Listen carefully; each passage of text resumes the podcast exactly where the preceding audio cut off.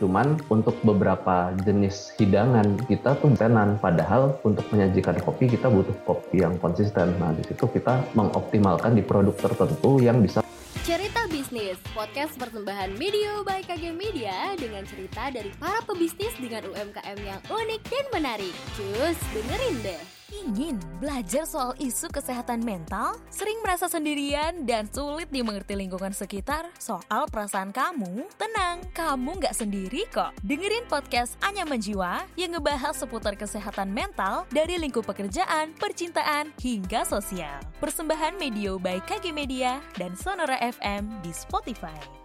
Halo Sobat Cuan, sekarang ini kita sedang berada di segmen dari podcast Cuan yaitu cerita bisnis yang mengangkat kisah inspiratif dari founder UMKM dari berbagai wilayah di Indonesia. Gue Mirza, host dari Media Podcast Network persembahan KG Media. Di episode kali ini kita akan ngebahas mengenai bidang roastery. Nah, industri kopi ini terbilang cukup menjanjikan ya dalam bisnis. Banyak pelaku yang sudah terjun dan menikmati manisnya dari hasil berbisnis kopi. Nah, ngomongin soal bisnis, pasti rasanya kurang lengkap dong kalau nggak sama pelakunya atau pebisnisnya. Makanya sekarang kita sudah bersama dengan Kak Stevi Jeremia Hermawan yang merupakan founder dari Nara Kopi. Nah, apa itu Nara Kopi dan gimana perjalanannya dalam membangun Nara Kopi?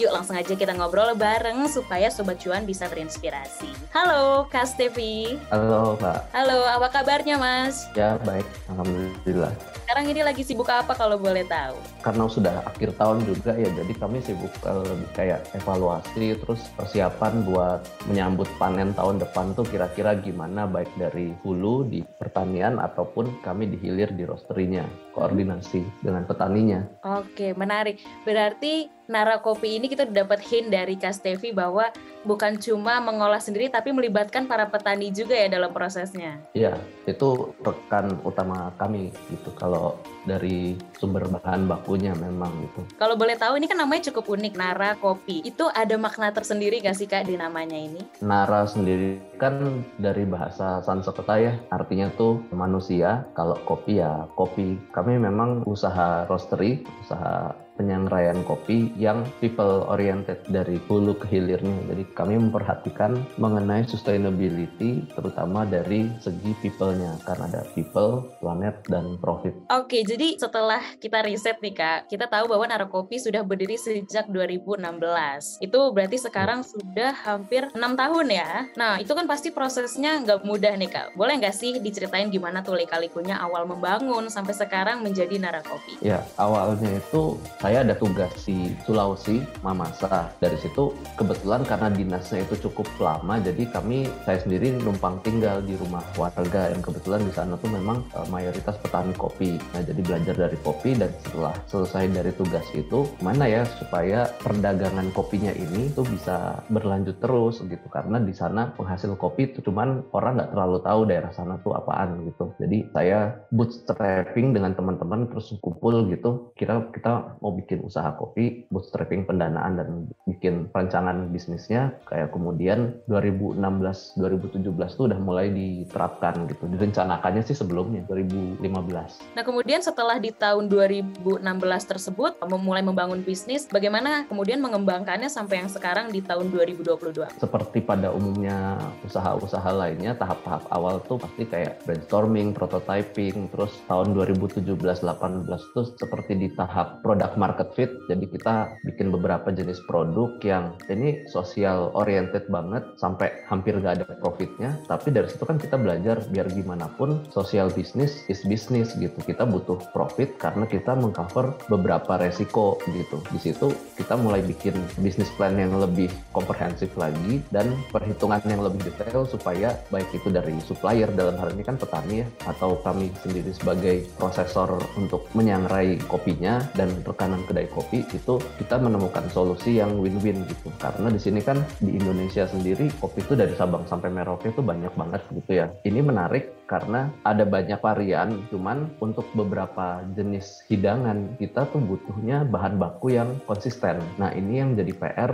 untuk petani kopi di Indonesia gitu. Karena terlalu banyak varian terlalu banyak ketidakkonsistenan. Padahal untuk menyajikan kopi kita butuh kopi yang konsisten. Nah di situ kita mengoptimalkan di produk tertentu yang bisa menjawab kebutuhan itu. Jadi itu yang menjadi dasar untuk perputaran cash flow-nya tanpa meninggalkan dampak baik yang sudah dilaksanakan selama ini. Di situ sih kayak produk eh, fase produk market fit-nya yang paling menantang. Awalnya memang membuat produk yang social oriented dulu, tapi setelah dilihat mungkin secara profit tidak menjanjikan. Kemudian baru di rework lagi ya bisnis plan gitu Kak Stevi. Iya, supaya sama-sama jalan gitu. Karena kalau kitanya nggak jalan juga, eh, social impact-nya juga nggak bisa jalan hmm. gitu. Jadi yes. sama-sama ini lebih ke efisiensi aja sih. Oke. Okay. Nah, untuk Naro Kopi ini sendiri sebelumnya kan pasti ada pegangan yang dipegang oleh Kak Stevi gitu. Ada nggak sih fondasi atau visi misi yang pengen dituangkan oleh Kak Stevi dalam berbisnis ini? Mungkin tadi sempat disinggung soal ingin memberikan dampak atau impact kepada sosial gitu Kak. Oke, okay, eh, kalau untuk social impact-nya sendiri mungkin kalau pernah dengar Sustainable Development Goals itu ada 17 ya. Kalau sekarang tuh pas kami memulai Nara Kopi itu baru ada 16. Itu memang kami tap in di beberapa titik gitu. Salah satunya seperti inequality. Inequality ini ketidaksamaan gitu. Itu contohnya warga di kota cenderung mendapatkan edukasi yang lebih komprehensif dibandingkan dengan di daerah-daerah di pelosok. Itu pun di kota nggak semua orang ngerti finansial literasi. Jadi ya sekolah belajar apa menghafal gitu-gitu. Tapi pada akhirnya yang penting untuk kesejahteraan itu adalah pengetahuan tentang finansial itu sendiri. Kalau di sekolah atau akuntansi, pelajaran akuntansi gitu kan dia ajarinnya itu lebih ke ya buku besar, buku kecil, kas masuk, kas keluar dan dan lainnya gitu. Agak tidak ada bentuknya. Nah, kebetulan karena kita di sini menggunakan kopi sebagai medianya untuk pembelajaran ini, itu jadi kita menggunakan kopi kopi sambil memberikan pemahaman mengenai finansial literasi gitu. Misalnya dari yang sederhana seperti penjurnalan dan sebagainya. Dari situ harapan kami adalah ke inequalityan ini menjadi lebih pendek gapnya antara yang di kota dan di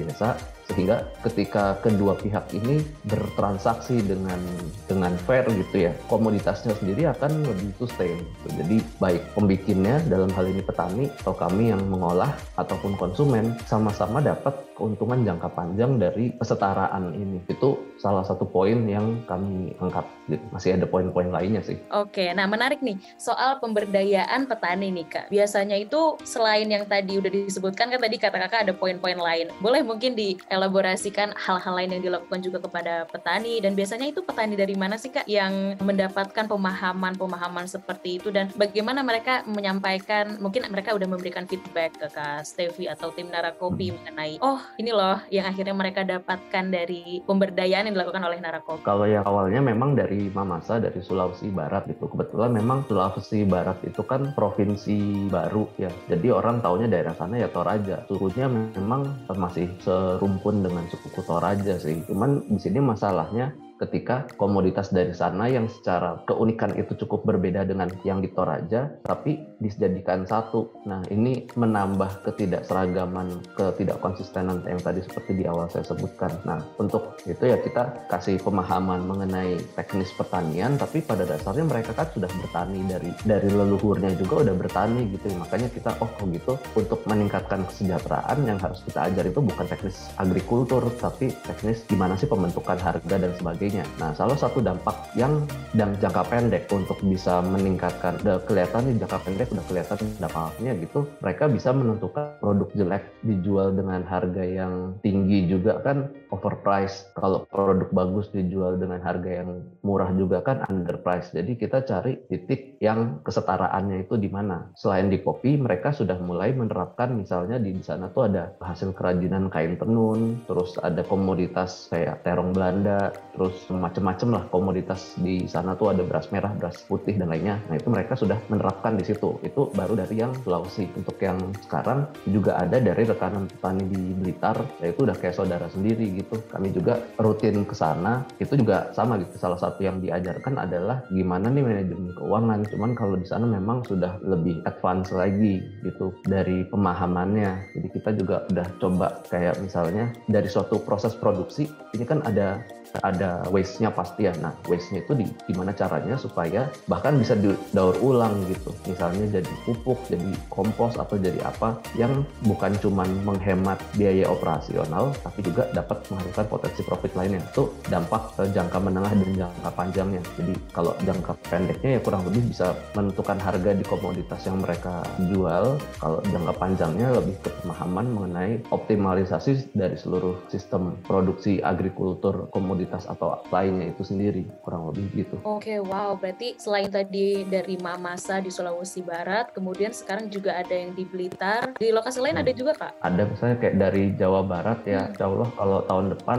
kita mulai ada lagi di Garut. Di Garut. Sekarang kita mau cari tahu lebih lanjut nih kak soal roastery-nya sendiri atau penyangraian biji kopi. Apa sih kak yang spesial dari Nara Kopi? Apakah dari prosesnya atau ada hal-hal tertentu yang kakak lakukan bersama tim sehingga membuat kopi dari Nara Kopi ini lebih spesial daripada kopi-kopi lainnya? Pertama saat kami dirikan ini dari originnya itu udah cukup spesial. Ya kekurangannya kami membawa origin kopi yang tidak terkenal itu adalah orang nggak banyak tahu. Tapi kelebihannya orang nggak banyak tahu juga. Itu jadi unik dan memang rasanya juga unik. Cuman kendalanya jumlahnya sedikit nih. Kalau misalnya kayak satu kali panen cuma 10 kilo, ya nggak cukup kan buat stok setahun gitu. Jadi kami gimana caranya mengembangkan dari beberapa origin atau dari origin yang sama ini eh, karakteristik kopinya itu bisa beda-beda. Nah ini agak sulit sih dan cara pengolahannya jadi seperti artisan. Nah cuma dari situ kami punya kesempatan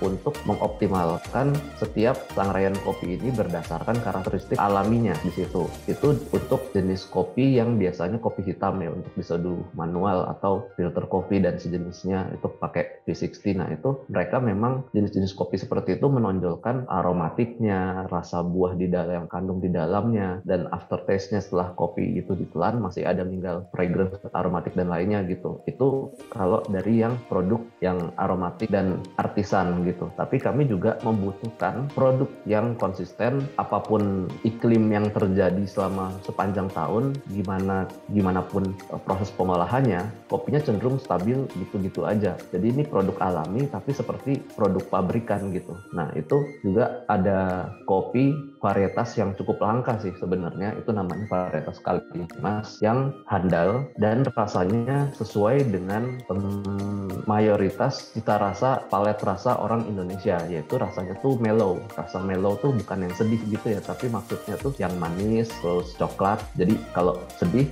orang sedih dapat rasa itu kan terhibur gitu. Cuman memang maksudnya mellow tuh rasanya bukan yang asam-asaman. Tapi cenderung yang manis karamel-karamelan coklat-coklatan kacang-kacangan rasa rasa yang seperti itu gitu. Kalau yang tadi pertama saya sebutkan itu rasanya cenderung bright, cenderung ceria gitu, asam, seger gitu. Untuk produk yang kedua ini memang kami membudidayakan sendiri varietas kopinya gitu. Jadi untuk mendapatkan keseragaman, kekonsistenan dan cita rasa seperti itu ada beberapa dari segi uh, varietas kopinya yang oh kita menggunakan varietas ini aja nih gitu untuk untuk mendapatkan produk yang sesuai. Jadi memang kami mencoba untuk setiap bahan baku biji kopi itu ada uniknya dan mengoptimalkan ini untuk hasil akhirnya optimal gimana dan kegunaannya tuh yang optimal untuk yang seperti apa. Kalau dari produknya sih seperti itu. Oke, nah ada nggak sih tantangan lain yang juga dihadapi oleh Kastevi atau tim selaku founder, kemudian juga mungkin pengembang, bagian pengembang kopinya mengenai kopi ini sendiri atau secara bisnisnya mungkin yang bisa Kastevi share kepada teman-teman yang minat di bidang roastery juga nih? Kalau tantangannya mengolah sesuatu yang artisan itu adalah kalau di di finansial gitu ya ada istilahnya fixed cost gitu ya. Jadi berapapun yang diproduksi ada effort fix yang segini-gini aja gitu. Nah, kalau mengolah yang tadi kan kami bahan kami dari yang Sulawesi itu artisan gitu ya. Jadi kuantitasnya tuh sedikit-sedikit. Salah satu kendala yang pasti dialami adalah orang nggak bisa kan kirim dari sana cuma 3 kilo, cuma 10 kilo, 20 kilo dari desa nih. Kita ngomongin dari desa bukan dari kota besarnya. Itu kan harus pakai truk besar atau minimal kendaraan ada seperti travel antar kota antar provinsi gitu di sana. Cuman tetap ngirimnya harus di pool dulu dalam jumlah yang sesuai gitu. Misalnya di paling nggak 50 kilo 100 kilo gitu. Dan itu butuh waktu untuk mengumpulkan. Kadang ketika oh kita udah butuh nih tapi belum terkumpul gitu ya dong gue mau nggak mau gitu. Jadi kekurangannya produk artisan yang sedikit sedikit walaupun eksepsional rasanya ya itu kita tungguin petaninya selesai mengolah seperti yang dia tahu bagusnya itu gimana gitu ya nggak bisa dipaksain juga. Makanya ada produk substitusinya juga yang kalau kita butuh sesuatu yang stabil ada lagi dari tempat lain gitu. Jadi kan yang dari sana nggak bisa dipaksakan. Udah sekarang aja dikirim biarin gitu. Akan jadi nggak optimal gitu ya. Nah itu kita butuh bikin sistem yang bisa fleksibel terhadap hal itu. Itu salah satu yang pertama dari logistik. Terus kedua dari segi pengaturan keuangan. Ini ada relasinya dengan tadi yang diajarkan ke petani untuk mengatur keuangan, penjurnalan dan sebagainya. Mayoritas petani kopi itu kan ada masa panennya di satu waktu tertentu yang abis itu mereka pada dasarnya nggak panen gitu. Jadi pendapatan di satu waktu itu gimana supaya bisa mengcover kebutuhan hidup bahkan nabung untuk sepanjang tahun nanti untuk anak-anaknya mau kuliah, sekolah dan lainnya atau buat kalau ada sakit atau gimana gitu. Nah itu yang diajarin misalnya, oh yang harus kami bayarkan ke Anda nih misalnya 12 juta, tapi nggak kami bayarkan 12 juta langsung, dibeliin apa gitu yang konsumtif dan tidak produktif, habis dong dulu bulan depan nggak punya uang gitu. Ini kami kasih misalnya sejuta dulu, bulan depan sejuta lagi, bulan depan sejuta lagi. Terus sampai panen berikutnya kan ketemu tuh sejuta, sejuta, sejuta. Aman tuh petani kopi tapi pendapatannya bisa stabil. Soalnya kalau kami yang nggak nyimpenin kemungkinan besar habis. Tapi ada yang bisa udah ngatur keuangan juga sih. Jadi memang ada orang kepercayaannya di sana memang bisa ngatur keuangan. Kalau petani mayoritasnya belum bisa, jadi dibantu dengan cara seperti itu. Tantangan, tapi ya kalau nggak ada tantangannya kan nggak bisa impactful juga ya. Jadi yang menarik juga sih gitu. Oke, setelah kita riset juga nih, kita menemukan bahwa Narakopi itu punya pelanggan yang sangat beragam. Ada beberapa nama seperti Dutch Business Network, Bugils Group, kemudian Double Doors, dan masih banyak lagi. Kalau boleh tahu dan sharing gimana sih untuk Narakopi akhirnya terekspos ke nama-nama tersebut, kemudian apakah ada trik-trik yang bisa disampaikan atau dijadikan inspirasi nih bagi para Sobat Cuan nih Kak Stevi? Ironis sih, tapi saya sebenarnya ini sekolah marketing gitu ya. Cuman saya sendiri merasa nggak ahli di bidang pemasaran gitu. Jadi ketemu dengan customer-customer yang sekarang itu, kalau di marketing itu kan kita ngeliat marketnya siapa nih, cocoknya gimana, cara cara memaintainnya gimana, cara approach-nya gimana dan sebagainya. Misalnya di balik pemikirannya, anggap saya nggak ngerti marketing gitu. Tapi mau orang kayak gimana pun, kalau kita kasih value over price yang lebih tinggi gitu. Jadi value yang mereka dapatkan tuh didapatkan baik itu di produknya, di jasanya, atau di pelayanannya itu bagus dan konsisten bagus, itu akan lambat laun pasti akan dihargai dan ketemu dengan ceruk pasarnya sendiri. Itu mau market dan produk apa pun gitu. Jadi itu kayak silver liningnya dari gimana sih memasarkan yang baik, yang baik gitu walaupun orang nggak ngerti pemasaran. Ya kasih produk atau jasa sebaik-baiknya dengan dilayanin sebagus-bagusnya dan sebertanggung jawab mungkin gitu karena kita simply peduli terhadap produk yang kita keluarkan dan gimana customer itu menggunakannya. Itu yang kami lakukan dari awal. Jadi satu customer sudah senang, dia mereferensikan kami uh, alhamdulillahnya ke tekanan-tekanannya gitu. Jadi mengalir dari satu titik ke titik lain kurang lebih seperti itu sih yang kami coba terapkan dan ketika ada kendala atau gimana kita juga coba diskusikan atau misalnya ada kasus dia sebelumnya pakai produk yang katakanlah harganya 200 ribu pas dilihat ke sana sebenarnya marketnya Anda tuh cocoknya di produk yang ini yang harganya 100 ribu misalnya. Karena gini gini gini alasannya coba aja dites gitu. Oh iya ternyata benar penjualan mereka lebih optimal gitu. Bukan karena harganya lebih murah tapi simply karena produknya tuh lebih fit dengan marketnya mereka. Jadi kita juga memposisikan DT sebagai gimana kalau kita di posisi si pelanggan ini gitu didiskusikan ya udah malah sama-sama enak jadinya gitu kurang lebih kayak gitu sih jadi ya kita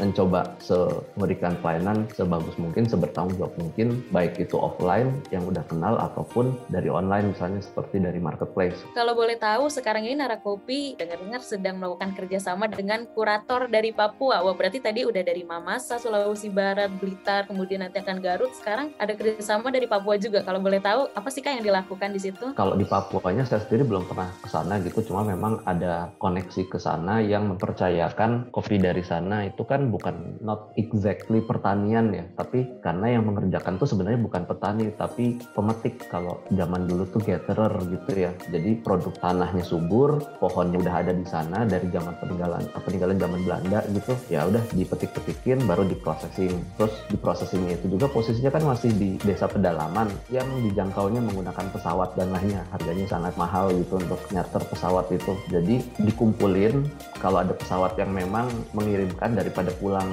nggak bawa penumpang kan dititipin gitu, bayar seikhlasnya kurang lebih gitulah. Terus lama-lama komoditas itu numpuk dan terkumpul gitu. Terus dikurasi dan kuratornya ini nyobain ke beberapa roastery dan kebetulan alhamdulillahnya cocok dengan apa yang kami sajikan gitu karena di, dikirim balik lagi gimana nih oh ya terus ya pembicaraan itu berlangsung dan mulai ditawarin dari origin-origin lainnya dan ketika di sana kan oh ini udah tahu nih ada yang bisa mempresentasikan kopi dari sana seoptimal optimalnya. Berarti kan oh ya udah nih kita ada PIC untuk roastingnya nih nanti di sini gitu. Jadi ya kerjasamanya lebih lancar gitu nanti dari kurator yang di sana. Ketika dapat kiriman kopi dari desa juga udah tahu mau dikemanain kitanya juga dapat origin lainnya yang eksotik gitu ya. Cuma memang produk seperti ini bukan yang ketersediaannya ada terus gitu. Karena mungkin kali ini kirimnya 50 kilo kilo, besok 10 kilo. Jadi mirip seperti yang dari Sulawesi. Tapi ya rata-rata orang menyadari juga kalau dari Papua pasti ongkirnya mahal gitu. Jadi harganya memang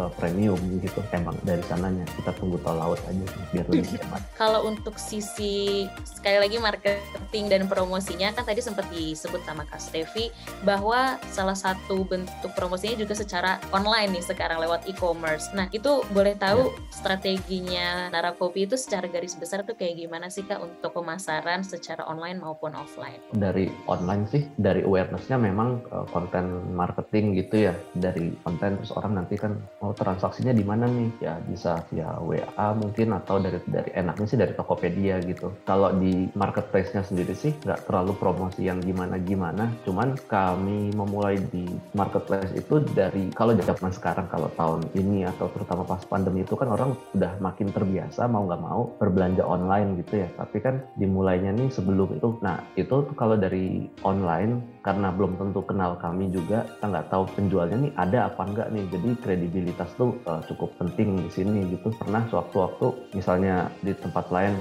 orang pesan terus ternyata barangnya fiktif gitu bahkan tokonya juga fiktif atau nanti ketika ada trouble dengan produknya baik itu kesalahan kurir kami atau kita nggak tahu itu kesalahan siapa tapi ketika ada laporan gitu. Misalnya contoh yang simple kami kan jual biji kopi terus kami lupa giling. Padahal orang pesennya minta digilingin gitu. Kan nggak ada alatnya gitu gimana nih oh yaudah mohon maaf sekali. Itu kelalaian dari kami. Kita kirim balik secepatnya gitu. Nah itu kan produk yang salah kirim eh, salah di proses itu gimana? Ya nggak usah dikirim balik gitu. Ya kalau syukur-syukur mau dikasih ke coffee shop sekitarnya sekalian buat promosi tapi intinya kalau ada kendala seperti itu kabarin nanti kita akan menjadi penjual yang sangat bertanggung jawab lah gitu. Kita kalau seperti itu kita berusaha selesaikan masalahnya sebaik-baiknya gitu. Satu persatu review yang positif juga menumpuk jadi kayak menumpuk aset berupa review positif gitu ya ya syukurnya memang bukan berarti di online kami nggak ada kendala tapi pasti ada kendala cuma memang mindsetnya dari kami dan tim juga gimana untuk menyelesaikan kendala ini sebaik-baiknya gitu supaya mengubah kendala jadi sesuatu yang positif. Kalau dari offline-nya kami sangat berterima kasih juga kepada rekan-rekan kedai kopi yang sudah mempromosikan gitu. Kurang lebih sama seperti yang tadi gitu ya ketika di mana kedai kopi ini kebutuhannya apa kita sesuaikan, kita diskusi. Itu mereka juga pede menggunakan kopi dari kami gitu karena udah tahu pasti berkualitas, sustain dan sebagainya. Jadi mereka juga percaya untuk eh, ini kopinya dari sini nih, dari narap kopi nih gitu itu suatu kebanggaan juga buat mereka gitu oh kalau dari sini aman lah gitu pasti ya lagi-lagi numpuk review positif juga tapi dari pemasaran offline-nya oke okay. terakhir ya. nih kak dari kak Stevi ada nggak sih tips dan trik untuk para pemula yang ingin memulai bisnis kadang kita memulai bisnis itu dari passion kita atau sukanya apa gitu ya. Tapi selama anda memulai suatu bisnis bukan suatu hobi coba pikirkan hal apa yang bisa mengenerate cash flow itu lebih cepat untuk bisa mempertahankan operasional atau uh, alur bisnis Anda gitu. Bukan memaksakan produk ini ke pasar, tapi kira-kira apa yang bisa pasar butuhkan, yang bisa kita sediakan untuk menjawab kebutuhan dari pasar itu, bisa menyelesaikan masalah dari pasarnya itu sendiri. Oke, wah inspiring banget ini semuanya tadi dari Kas TV. Kita udah ngobrol selama berapa menit ya tadi, dan hmm. udah belajar banyak juga selain mengenai roastery, tapi kita juga belajar mengenai bisnis dari Kas TV. So So, thank you so much Kak Stevi buat kesempatannya, ilmu-ilmu yang udah diberikan juga. Kita doakan semoga Nara Kopi bisa semakin sukses dan terus memberikan dampak bagi para petani kopi maupun bidangnya ini sendiri ya. Nah, bagi Sobat Cuan, jangan lupa Amin. untuk follow podcast Cuan di Spotify dan Instagram kita at Medio by KG Media. Kamu juga bisa langsung cek di Instagram at Narakopi untuk ngepoin produk-produknya atau justru pingin belajar juga nih proses mengenai roasternya sendiri dari Instagramnya itu. Demikian episode Cuan kali ini. Aku Mirza dan segenap tim yang bertugas. Pamit undur diri. Sampai jumpa di episode selanjutnya.